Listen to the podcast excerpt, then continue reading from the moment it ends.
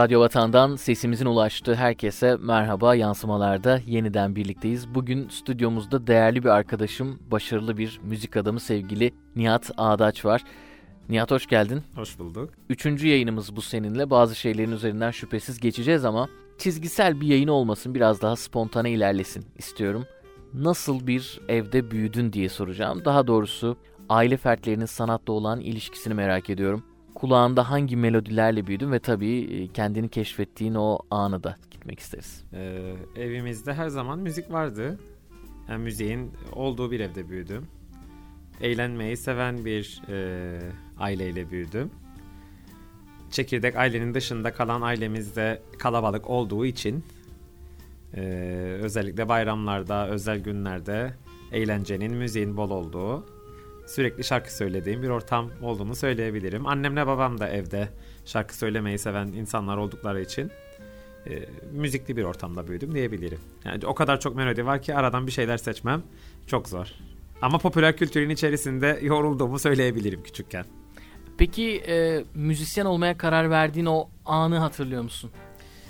Yani müzik okumaya, müzik eğitimi almaya karar verdiğim an herhalde 8 yaşında 7-8 yaşındayken ilkokula gittiğim esnada e, bir resim yarışması dolayısıyla Lefkoşa'ya geldiğimizde sertifikalarımızı almak için katılım sertifikalarımızı almak için Lefkoşa'ya geldiğimizde bulunduğumuz yerin o dönemki Güzel Sanatlar Ortaokulu'na çok yakın bir yer olması ve oradan gelen müzik seslerini takip etmek üzere e, sınıf öğretmenimi ikna edip oraya gittiğimizde o kapının açıldığı an etrafta müzik aletleriyle dolaşan çocukları gördüğümde ben de büyüyünce buraya geleceğim dediğim an öyle öyle bir andı. Önemli kırılma noktaları yaşadın hayatında mesleki anlamda. Bunların e, bizim bildiğimiz tarafı aldığın başarılar üzerinden ama öğrenim ve mesleki hayatında da seni aşağı çeken birileri ya da e, bir olay da yaşamış olabilirsin. Biraz da e, bardağın boş tarafına da bakalım istiyorum.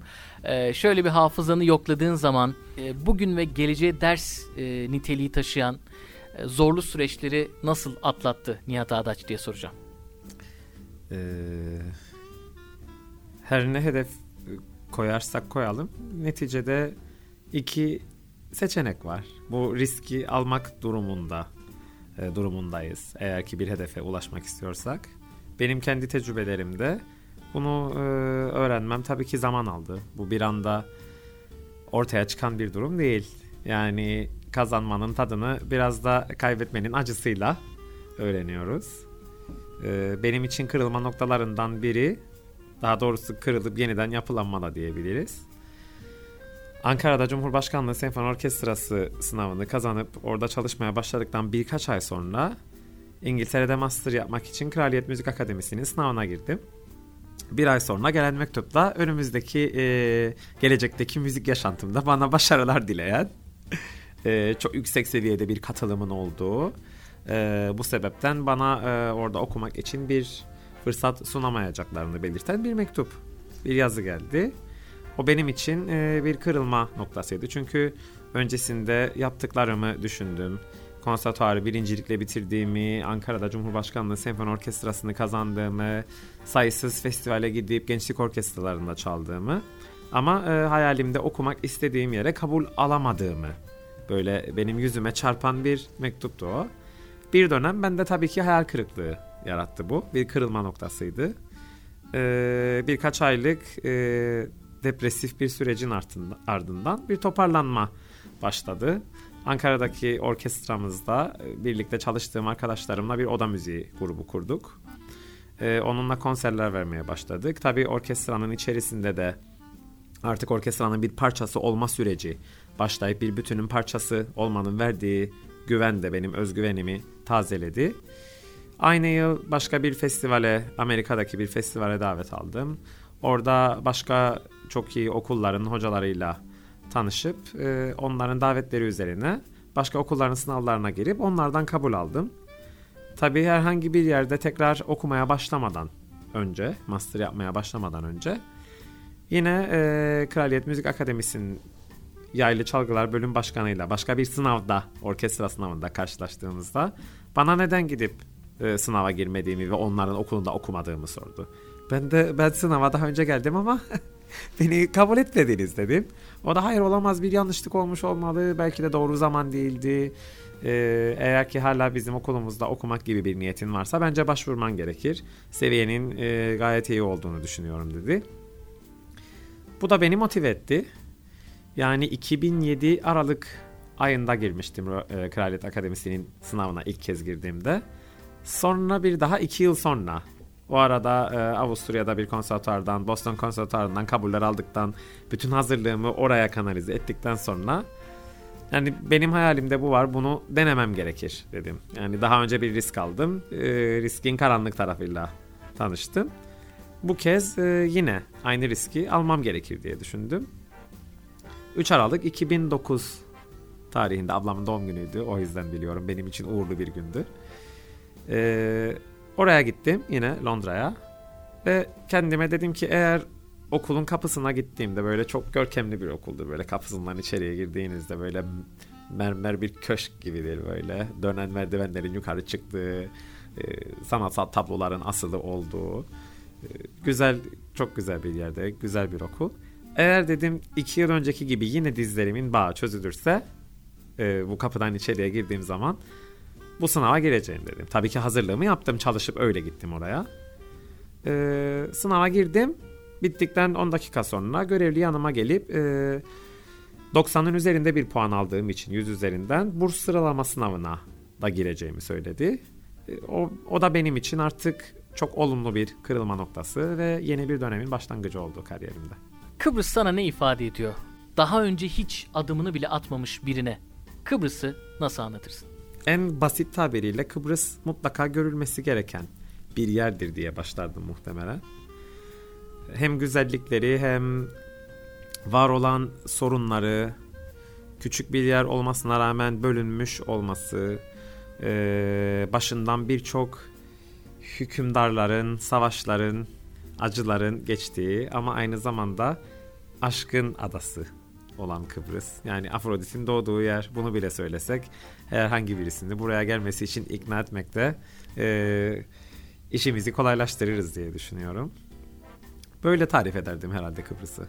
Güneşinden bahsederdim. Arkadaşlarım soruyor çünkü yurt dışına da gittiğimde e, Kıbrıs çok güzel olmalı orada çok güzel bir hayatın olmalı diye hep bundan bahsederler. Bilhassa soğuk memlekette yaşayan arkadaşlar. Onlara mutlaka gelmeleri gerektiğini söylüyorum. Yaptığımız güzel işlerden, orkestramızdan bahsediyorum. Güzel şeylerinden bahsediyorum, yemeklerinden bahsediyorum. Kıbrıs'ı anlatmak e, çok kolay değil. Yani ben burada yaşayan insanlar olarak bizim bile Kıbrıs'ı anlamakta güçlük çektiğimizi düşünüyorum zaman zaman. Cumhurbaşkanlığı Senfoni Orkestrası'nın e, kurulmasından bugüne e, büyük bir katkı koydun. Davetlere çoğu zaman yer bile bulunmadığını görüyorum. Peki şunu soracağım. Doluluk oranları, ilgi yoğunluğu bize neyi gösterir, neyi göstermez? Takipçi kitlenizin gelişimiyle ilgili fikirlerin neler? Orkestramız kurulalı yaklaşık 6 yıl oldu epey zaman geçmiş düşününce. Bir bakıma kısa bir süre. Bir orkestranın yaşantısı, yaşı açısından çok e, kısa bir süre. Ama bizim ülkemiz ölçeğinde veya dünyada şimdi birçok yerde orkestralar maddi manevi zorluklarla kapanırken bizde bir orkestra kurulması dikkate alındığında e, büyük bir adım olduğunu düşünüyorum. Nitelik veya e, katılım anlamındaki noktalara değinmek gerekirse bizim yaptığımız müziği, ortaya koyduğumuz icrayı e, Kıbrıs'taki birçok kitleye götürme anlamında farklı bir yaklaşımımız var. Yani Lefkoşa başkenttir. O yüzden biz sadece Lefkoşa'da bir konser yapalım. Hem ortada bir yer, dört taraftan herkes buraya gelsin yaklaşımı yerine konserlerimizi pandemiden önce özellikle 3 yerde bile yaptığımız oldu aynı konseri 3 gün üst üste. Daha sonra bu koşullarla birlikte online konserlerden zaten şimdi bahsetmeyeceğim ama e, şu an bir konser programını iki kez yapıyoruz gibi söyleyebilirim. Bir perşembe bir cuma şeklinde. Tabi böyle olunca bu konserleri iki farklı yerde yapıyoruz. Belki eğer Lefkoşa'da veya tek bir yerde bu konserleri yapsak e, katılım daha fazlaymış gibi görülebilir. Daha yoğun bir katılım varmış gibi görülebilir. Ama siz yaptığınız işi insanların ayağına kadar götürdüğünüzde onlar da kendilerine en yakın olan yere gelmeyi tercih ediyor. Ee, o yüzden aradığımız aslında yüzde yüz gibi bir doluluk oranından ziyade bu konserleri insanların sevmesi, benimsemesi gerek bizim yaş kitlemizin, gerek bizim üstümüzdeki yaş kitlesinin, gerekse çocukların ve e, yeni yetişen gençlerin, genç çocukların diyelim. E, onların katılımını ve benimsemesini sağlamak. Bu açıdan baktığımız zaman konserlere güzel bir ilginin olduğunu söyleyebiliriz. İçinde bulunduğumuz koşullar olmasa tabii ki katılım çok daha yüksek. Çünkü insanlar kapalı yerlere girmekte daha cesurdu. Bunun zaman içerisinde olumlu olarak düzeleceğine ve değişeceğine inanıyorum. Ee, seyirci kitlemizin profilini düşündüğümüz zaman klasik müziği bizim orkestramız kurulmadan da dinleyen, yurt dışına gittiği zaman böyle etkinliklere katılan kemik bir kitle var. Onlar e, şu anda dışarıda buldukları e, dünya çapında bir standardın kendi ülkelerinde de yer alabileceğini gördüğünde mutlu olup bu konserleri takip eden bir kitle var. Onun dışında bizim orkestramızın kurulmasıyla senfonik müzikle bu anlamda canlı şekilde tanışan ve bunu benimseyip e, severek bu konserlere gelen bir kitle var. Bunun yanında bu kitlenin yanında geldiği zaman gördüğünü çok beğenip de etrafına bunu duyurup onların elinden tutup onları getirip kendileri gelemediğinde yanlarında getirdiklerini konserlerde gördüğümüz bir kitle var. Ve pek tabii ailelerimiz, eşlerimiz, dostlarımız bu konserlere geliyor. Ee, bazı yetkililerimizin de e, sanatseverlik e, özverisi ve bilgiçliğiyle bu konserlere geldiğini, onun dışında bize birçok alanda da destek verdiklerini söylemek mümkün. Nihat, e, hayatı ve insanları kavrayışın nasıl diye bir e, soruyla devam etmek istiyorum. Ben adın geçtiğinde insan ilişkileri çok yoğun, aşırı sosyal, e, konuşmayı, anlatmayı seven, e, muhtemelen öğrenmeyi ve öğretmeyi de aynı şekilde ve yalnızlıkla arasının pek iyi olmadığını e, düşündüğüm birini e, görüyorum. Ama biliyoruz ki insan bazen öylesi bir kalabalıkta da e, aslında yalnızlığını perdeleyebiliyor. Görünenin ötesini dinleyelim senden. İnsan ilişkilerinin e, günümüzde evrildiği şekle bir yorumunu alalım kendi hayatın özelinden. İnsanlarla ilişki halinde e, olmayı, sosyal olmayı seviyorum. Ailemle vakit geçirmeyi, İnsan biraz daha yaşa girdikçe e, çevresine, bulunduğu yerlere ya da insanlarla ilişki biçimine biraz daha dikkat etmeye başlıyor. Bu kendiliğinden oluşan bir farkındalık da olabilir. Bilinçli veya bilinçsiz bir şekilde bunu e, rahat tasvir edemiyorum ama e, bir şeyleri paylaşmayı seviyorum çevremdeki insanlarla. Sohbet etmeyi, konuşmayı, bir yerlere gitmeyi ama bir o kadar da kendimle vakit geçirmeyi seviyorum. E, senin de dediğin gibi dışarıdan bakıldığında belki çok sosyal, konuşmayı, eğlenmeyi, bir şeyler yapmayı seven, belki bir şeylere dikkat çekmeyi seven biriyim ama bazen de e, yalnız kalıp onun tadını çıkarmayı seviyorum. Buna ihtiyacımız olduğunu düşünüyorum kapandığımız dönemi düşününce özellikle son birkaç haftada kapandığımız dönemi düşünerek aklıma hep bu fikri getirdim. Acaba mesela bir gün veya bir hafta hiçbir şey yapmadan bir yıl içerisinde geçirebileceğimiz bir süremiz olsa. Öte yandan düşündüm ben kendi mesleğim açısından belki bu lükse sahibim. Biraz inzivaya çekilmeye, konserimin olmadığı bir haftada ortadan kaybolmaya e, müsait bir çalışma sistemim var. Öyle bir işim var. Ama öte yandan da kapanma dönemini düşündüğümde etrafta hiç kimse yoktu. Yani hiçbir ses yoktu. Kuşların sesi vardı sadece. Araba sesi, yolda yürüyen insan sesi yoktu. Bu tam anlamıyla bu sessizlik olmadan e, kendim bir yere kaçsam da o huzuru bulabileceğimi düşünmüyorum. Çünkü o sessizliğin verdiği bir huzur var. Bir de ben 24 saat beyninin içinde müzik çalan birisiyim. Yani bu benim çaldığım bir şey de olabilir. Sabah kalktığımda rastgele duyduğum bir şeyin beynimin içerisinde dönmesi de olabilir. Ama mütemadiyen bir ses var kafamın içerisinde. Bunu susturmak kolay değil. Ee, geriye dönüp baktığım zaman kapandığımız döneme orada seslerin azaldığını hatta sustuğunu görünce aslında iç sesimin de biraz sustuğunu, bir şey düşünmeden de bir vakit geçirilebileceği, bir hedef koymadan bir amaç olmadan da bir süre en azından yaşanabileceğinin farkına vardım.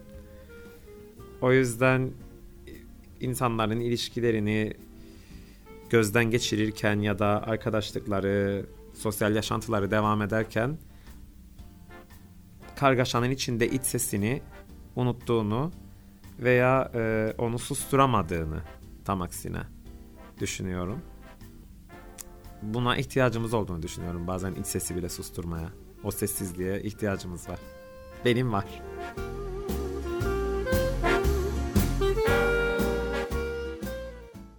Almanya'da, Avusturya'da ve bu saydığım ülkelerin yakın coğrafyasında e, klasik müzik çok tüketilen bir tür. E, iyi bir klasik müzik dinleyicisi eserlerin adına kadar bilir mi Nihat sence? Yoksa sadece tınıların takipçisi olmak da e, yeterli midir? Tınıların takipçisi olmak da pek tabii yeterli. Ama bahsettiğiniz coğrafyalarda ki bizim coğrafyamızda da aslında böyle bir kitle, böyle insanlar var. Konsere gelmeden önce neyi dinleyeceğini merak eden bir kitle. Hmm, o eseri başka yorumculardan şimdi internet çağında olduğumuz için bir tıkla Spotify'dan veya YouTube'dan herhangi başka bir müzik platformundan her eseri görüntülü dahi bulup izleme dinleme şansınız var. Böylelikle dinleyeceği konsere gelip canlı dinleyeceği eserle arasında bir ilişki kurmuş oluyor gelmeden önce. Ve ona göre bir beklenti içerisine giriyor. Zannederim Avrupa'da bu beklenti bizim coğrafyamızdan biraz daha yüksek. Çünkü bununla ilgili farklı bir bilinç daha yerleşmiş bir bilinç var diyelim. Buradaki kitlemize bilinçsizlemenin haksızlık olacağını düşünüyorum çünkü.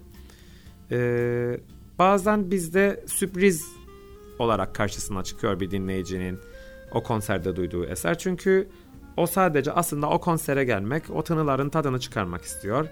Ee, belki dinleyeceği orkestraya veya başka sanatçılar artık kimlerse onların seviyesine veya ona o akşam veya konserde güzel anlar yaşatacağına inanarak geliyor ve eserlerin çok da bir önemi kalmıyor onun için. O yüzden belki sürpriz bir şekilde "Aa ben bu eseri daha önce dinledim."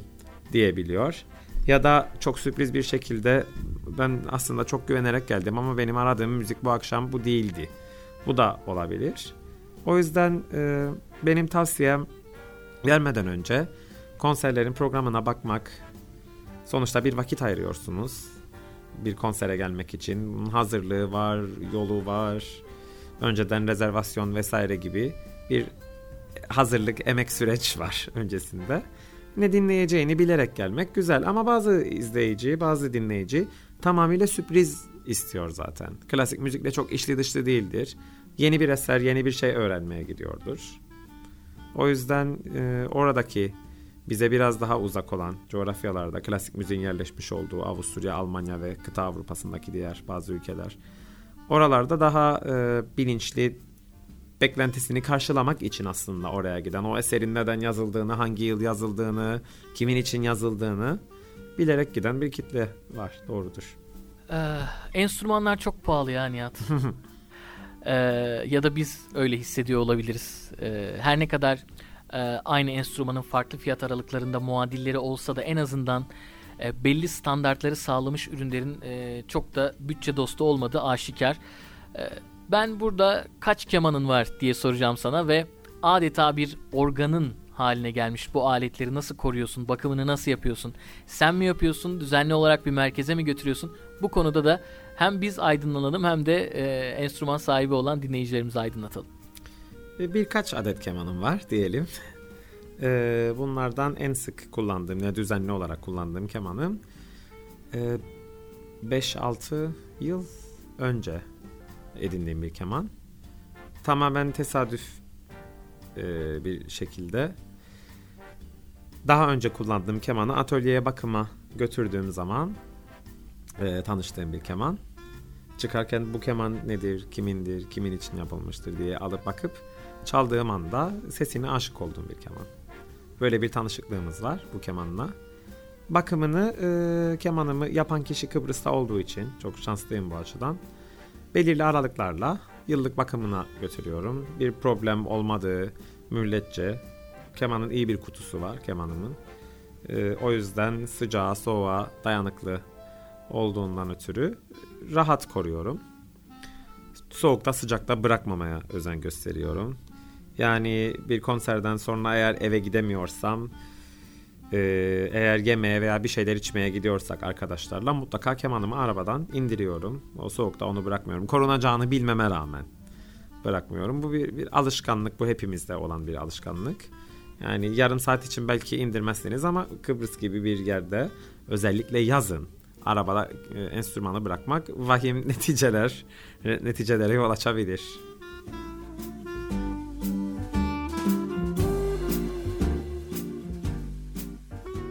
Evet Nihat e, programımıza yeni eklediğimiz enstantaneler bölümüne geçiyoruz. Önüme düşen haberlere e, yorumunu isteyeceğim. Eyvah. Geçen yıl sevgililer gününde kendisine sıvı yağ hediye eden kocasına bu yıl 5 litrelik bidonla benzin hediye etmiş bir hanımefendi. Ne dersin? Ee, özel günler gerçek anlamda özelse ben de onlara bazen önem atfedebiliyorum. Doğum günlerini özel buluyorum. Ee, sevgililer günü çok da e, nasıl diyeyim hediye alıp hediye vermenin ötesine geçmediğini düşünüyorum. Yani en azından sosyal medyadan gördüğümüz bu. Tabi gerçek anlamda birbirini seven sevgililere de buradan yanlış mesaj vermeyelim. Onlar birbirlerine hediye alıp vermek istiyorsa buna da karşı değilim. ee, benzin güzel bir hediye olmuş. Ama neden geçen yıl yani zeytinyağı değil de sıvı yağ tercih etti? Onu sorguluyorum. Yani bana zeytinyağı alınsaydı ben daha mutlu olurdum sıvı yağdan. Peki geçiyoruz. UNESCO raporuna göre 2020'de dünya çapında yaratıcı endüstrilerdeki 10 milyon iş pandeminin bir sonucu olarak kaybedilmiş. Ee, sanat emekçilerinin geleceğini nasıl görüyorsun diye soracağım. Ee, yapay zeka ile iş sahanız daha da daralır mı yoksa herkesin 2-3 farklı iş kolunda uzmanlaşması mı gerekecek? Bu konuya nasıl bakıyorsun? Ee, son söylediğini düşününce aklıma İngiltere'de bilhassa sanatçılar arasında büyük bir e, tepkiye yol açan bir gazete ve reklam ilanı geliyor. Ee, bir balerini balerinin içerisinde yer aldığı bir fotoğraf ve fotoğrafta şöyle diyor. Ee, işte atıyorum kadının adının Emma olduğunu düşünelim. Emma'yı çok güzel bir fark, çok farklı ve güzel bir kariyer bekliyor. Sadece henüz bundan haberi yok gibi. Yani e, bizim yaptığımız mesleklerin pandemide büyük ölçüde sekteye uğraması, daha doğrusu sektörün bir sektör dersek sekteye uğradığı büyük bir dönem geçirdik. Bizler burada biraz daha şanslıydık çünkü e, çok fazla sanatsal kurumumuz yok. Yani bir elin parmakları kadar bile değil. O yüzden devlet çatısı altında olduğumuz için de e, ekonomik açıdan en azından bireysel anlamda sıkıntılar yaşamadan bu dönemi aştık elimizden geldiğince de e, bu koşullara uygun şekilde halkımıza ulaşmaya çalıştık. Ama yurt dışına düşündüğüm zaman New York'taki Metropolitan Opera aylarca sanatçılarını ödeyemedi. Bazılarını hatta işten çıkardı. Ve geri başlayacağı zamanda dışarıdan takviye sanatçılardan oluşturduğu yeni bir ekip kurdu. Bu da büyük tepkiye yol açtı. Ve tabii ki orada o yerleşmiş sesi, o kaliteyi gelen izleyici bulamadı. İşte o bilinçli kitleye döndüğümüz zaman insanlar onun ayırdına vardı. Ee, ben bizlerin yapay zekanın ilerlemesiyle ya da bu yaşanan olumsuzluklarla farklı alanlarda uzmanlaşmamız gerektiğini düşünmüyorum. Ama bizim yaptığımız meslek dalı içerisindeki farklı meslek dallarının yapay zekayla olumsuz etkilenebileceğini düşünüyorum. Belki bizlerin işlerini kolaylaştıracak şeylerdir. Örneğin eşyaların taşınması, robotların geliştirilmesiyle veya aletlerin, elektrikli akıllı cihazların geliştirilmesiyle e, belki de aletlerin taşınması, sahnelerin e, kurulması, bozulması anlamında insan iş gücünün önümüzdeki dönemlerde ortadan kalkabileceği bir döneme girebiliriz. E, ya da en azından insan iş gücünün azalarak aletlerden yardım, robotlardan yardım alınabileceği, bazen de belki de e, insan sağlığı veya güvenliği adı altında da bunların hepsinin hazırlanmış süreçler olduğunu gözlemliyoruz. Ama e, robotlardan veya yapay zekadan oluşan bir senfoni orkestrasının nedenli tatminkar olacağından emin değilim. O yüzden bu anlamda bir gerileme yaşanacağını düşünmüyorum. İlk çağlardan da bugüne geldiğimizde insanların gelişiminde, evrilmesinde seslerin, ritmin ne kadar önemli olduğunu düşünürsek müziğin e, belki de müzikle her an ilgilenmeyen insanlar için de vazgeçilmez bir e, element olduğunu düşünüyorum. Fransa'ya gidelim. Fransa'da yasa ve sıkı önlemlere rağmen Covid-19 kısıtlamalarını protesto eden özgürlük konvoyu başkent Paris'in merkezine girmiş.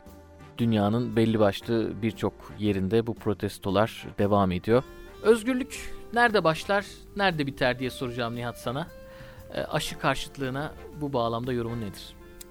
Özgürlüğün nerede başlayıp nerede bittiğiyle ilgili soruya buna benim karar veremeyeceğimi söyleyerek hem kendimi hem de dinleyenleri bu noktada özgür bırakmak istiyorum.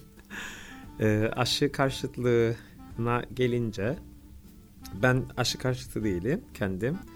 E, önerilen şekilde aşılarımı tamamladım. Tabi bundan sonra ne olacağını pek kestiremiyorum veya e, bakış açımın ne olacağı biraz da okuduklarımızla ve uzmanların bize söyledikleriyle şekillenecek diye düşünüyorum.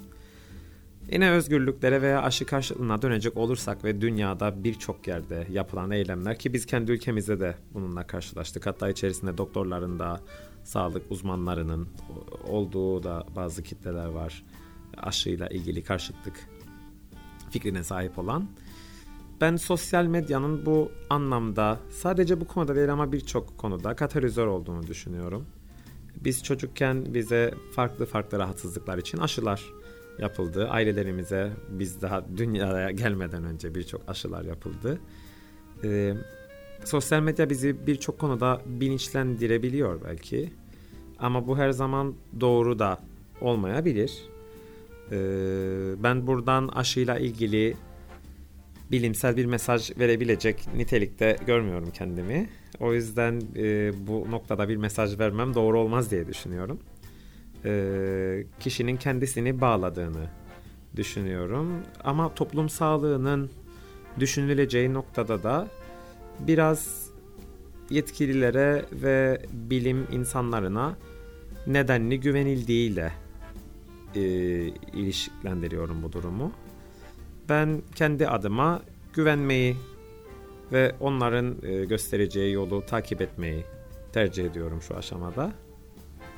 Ama e, eğer sosyal medya olmasaydı belki de bu örgütlü hareketlerin bu denli büyük olmayacağını, bunlardan haberimiz dahi olmayacağını, bazı şeyleri biraz fazla sorgulamamıza sebep olduğunu düşünüyorum sosyal medyanın. Bu biraz da moda, bir trend dediğimiz şey. İnsanlar başkalarının yaptığı şeyleri takip ediyor.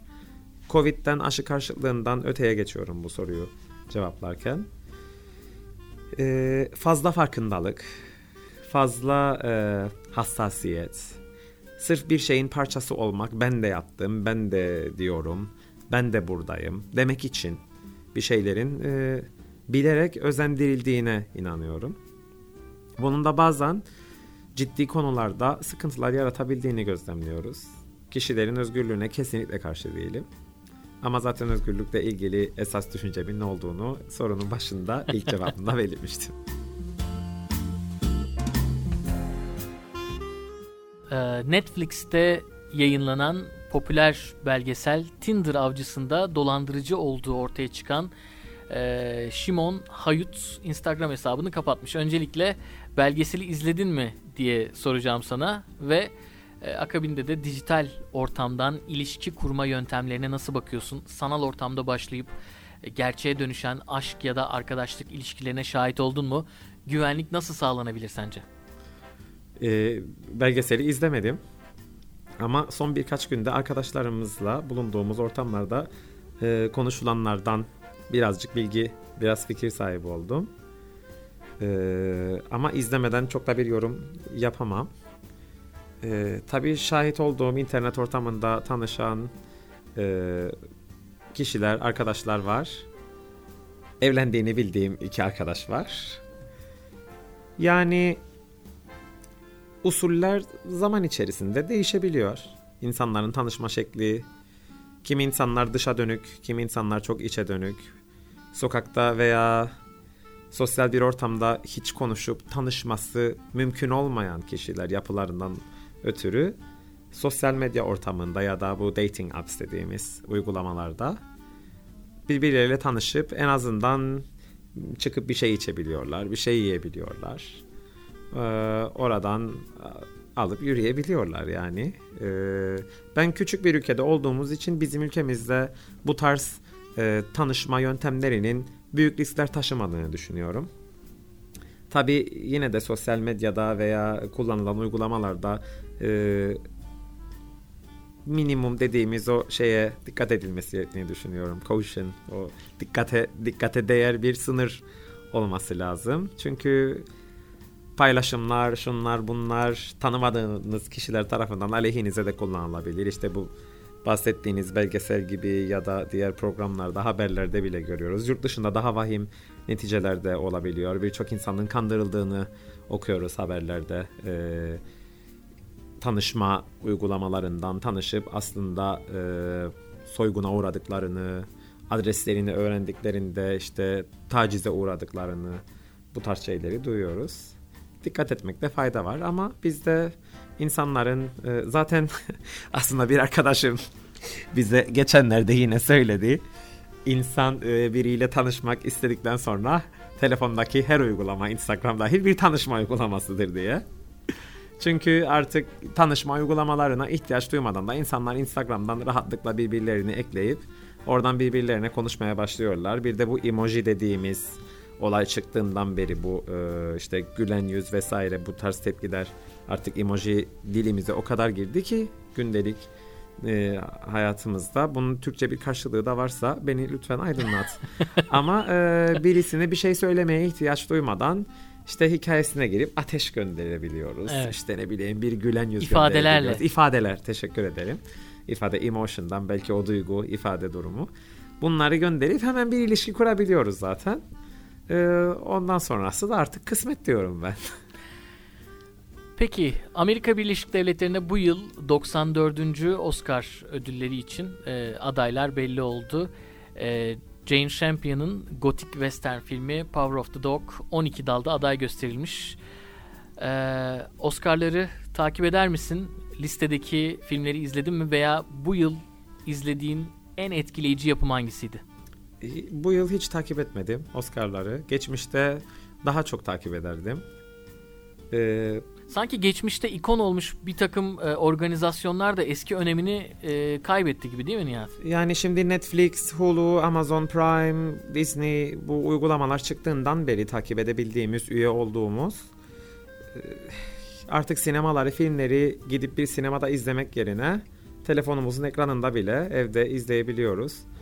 E, ama benim hala Oscar'ları veya benzer ödül benzeri ödül törenlerini büyük bir dikkatle takip eden arkadaşlarım var. Onlara bazen gıpta ediyorum. Ee, ama ben son dönemde filmlerden ziyade aslında izlediğim filmlerde oldu son dönemde ardarda. Ama son bir seneden kısa bir süre içerisinde ciddi bir Star Trek hayranı oldum. Daha önce hiç izlemediğim bir dizi ve filmler serisiydi. Ee, filmlerin maalesef hepsini bitirdim. Çok üzgünüm filmleri bitirdiğim için. Ta 70'lerden çekilenler. Dizilerin de en son başlayan Star Trek Discovery haricinde bütün dizileri, bütün bölümleriyle bitirdim. Buna ciddi bir zaman ayırdım ve e, buradan uzun yaşa ve muzaffer ol demek istiyorum programı dinleyen ve izleyenlere. E, bu kadar hayranı olabileceğimi düşünmemiştim açıkçası. Ama gündelik hayatıma sirayet ettiğini söyleyebilirim Star Trek'in.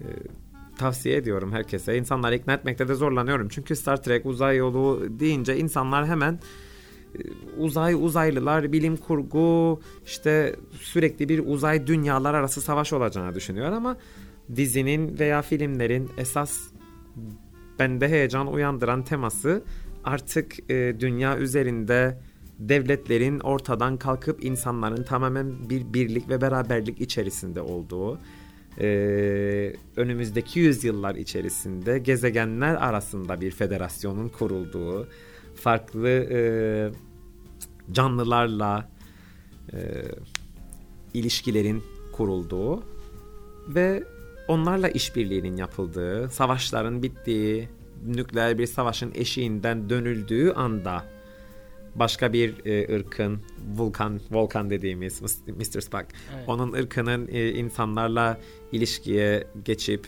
artık e, farklı bir evren keşfedilecek farklı şeyler olduğunu onlara anlattıkları çok güzel bir dizi, çok güzel bir e, yaşam biçimi.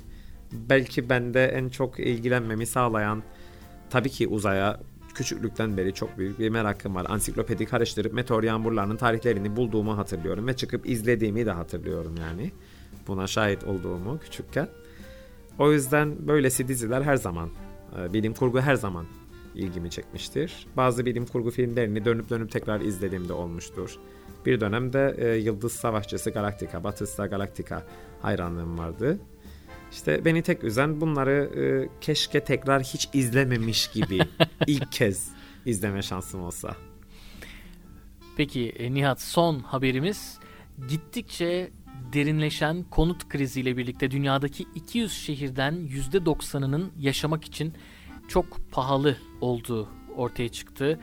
Ee, ülkemizde ve yakın coğrafyada da ekonomik krizle derinleşen bir konut sorunu var. Ee, iki taraftan bakarsak hem yapılıp satılamayan ve o sektörü zorlayan hem de e, barınma anlamında e, karşılanmakta zorlanılan bir ihtiyaç haline geldi.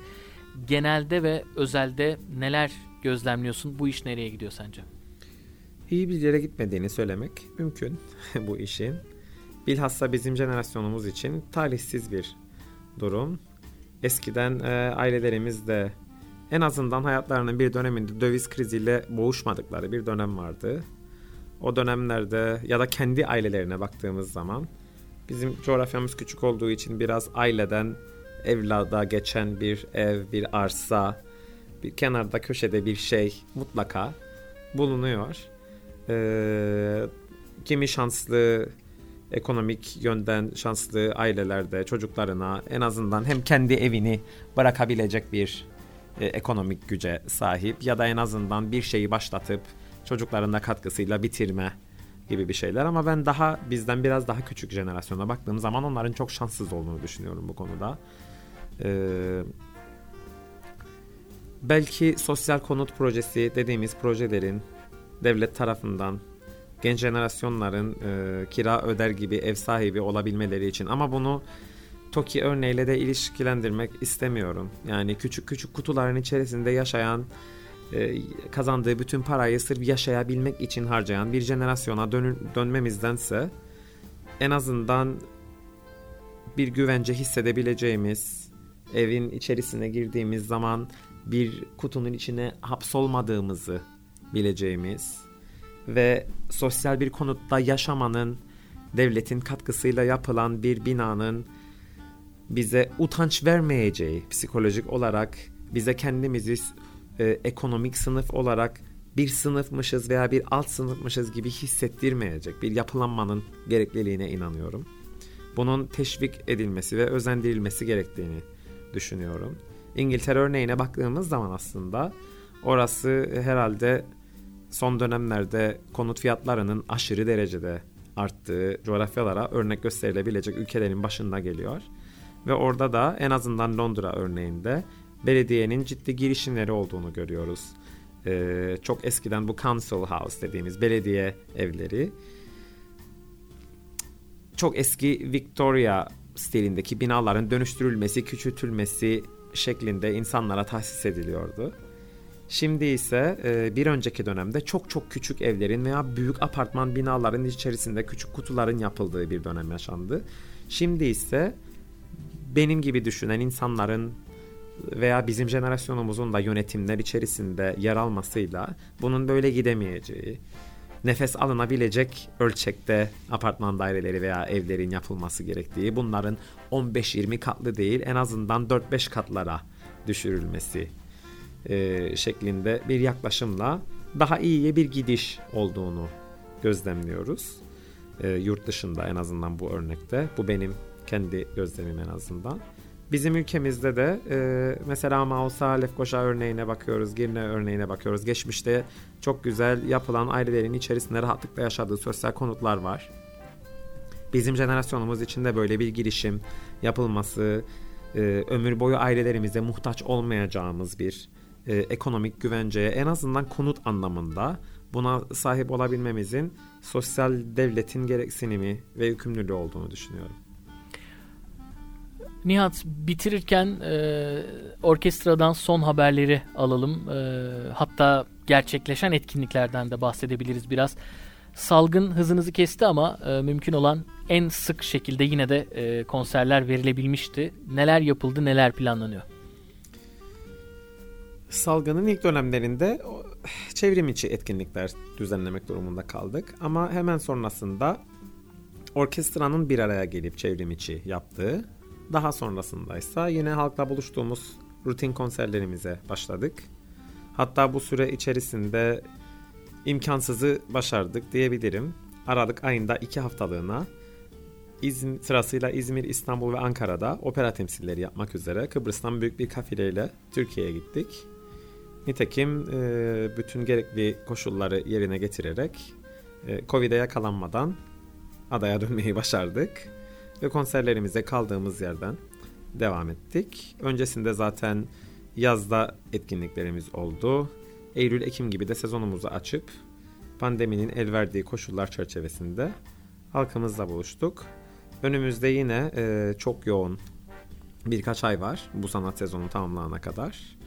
Yine e, Türkiye'de gerçekleştireceğimiz konserler var. Ada içerisinde e, normal periyodik konserlerimiz devam ediyor. Önümüzdeki hafta bir konserimiz olacak. Ee, onun dışında şimdiden bir sonraki sezonun planlamalarını yapmaya başladık bile. Çünkü uzun soluklu e, planlama gerektiren bir iş. Pandemi döneminde anlaşıp bir araya gelemediğimiz şefler ve solistler olmuştu. Şimdi onlarla elimizden geldiğince bir araya gelmeye çalışıyoruz. Ee, onları buraya getiriyoruz. Sonrasında önümüzdeki sezona kalacak konserler var hala bu bahsettiğim e, durumda olan şef ve solistlerimizde. E, eğer mümkün olursa kadromuzu genişletmek için girişimlerimiz var önümüzdeki dönemde. Ama e, henüz resmiyete dökülmediği için bununla ilgili fazla detay veremiyorum. Tabii e, orkestramızın sanatçılarının oluşturduğu veya bizim münferit olarak dışarıdan diğer sanatçı arkadaşlarımızla bir araya gelip oluşturduğumuz çok güzel oda müziği grupları var. Bunların da konserleri oldu ve olmaya da devam edecek. Bizim e, piyanist Rüya Taner ve cellist Gürhan Nuray'la üçümüzün oluşturduğu Trio Bella Pe adlı yeni bir oda müziği grubu oluşumumuz var. E, bu grupla hali hazırda Mausa ve Ottü'de birer konser gerçekleştirdik. Önümüzde yine bir Bella Pais, sonrasında da bir Londra konseri mevcut triyomuzla. Her şey yolunda giderse yaz ortasında bir de Güney Amerika'da Şili'de bir konser yapmamız e, söz konusu. Yani yavaş yavaş konserlerin, konser düzeninin normale gittiğini, normale döndüğünü söyleyebiliriz. Zaman zaman da e, ağır aksak problemler yaşanabiliyor. Ama biz mümkün mertebe bu olumsuzlukları e, aşmaya çalışıyoruz. Daha büyük orkestralardan küçük olmanın avantajıyla hareket etme şansımız oluyor. Testlerimizi yapıp provalarımıza başlıyoruz. Herhangi birisinin herhangi bir semptomu olması durumunda e, gelmemesini telkin ediyoruz. Henüz e, bir iki konser dışında bir aksaklık yaşamadığımızı söyleyebilirim. Umarım bu şekilde de devam edecektir. Cumhurbaşkanlığı Senfoni Orkestrası'nın etkinliklerini de sosyal medya hesaplarından takip edebilirsiniz diye hatırlatalım dinleyicilerimize. Tabii ki hem Facebook sayfamız hem de Instagram sayfamızdan e, etkinliklerimiz e, duyurulmaktadır. Bugün e, senfoni orkestrasından sevgili arkadaşım, çok değerli müzisyen, sevgili Nihat Ağdaç'ı ağırladık. Nihat yine büyük keyif aldık, ağzına sağlık. Çok teşekkür ederim. Yeniden burada e, seninle birlikte olmak çok güzel. Yansımalardan şimdilik bu kadar. Yeniden buluşmak dileğiyle. Hoşçakalın.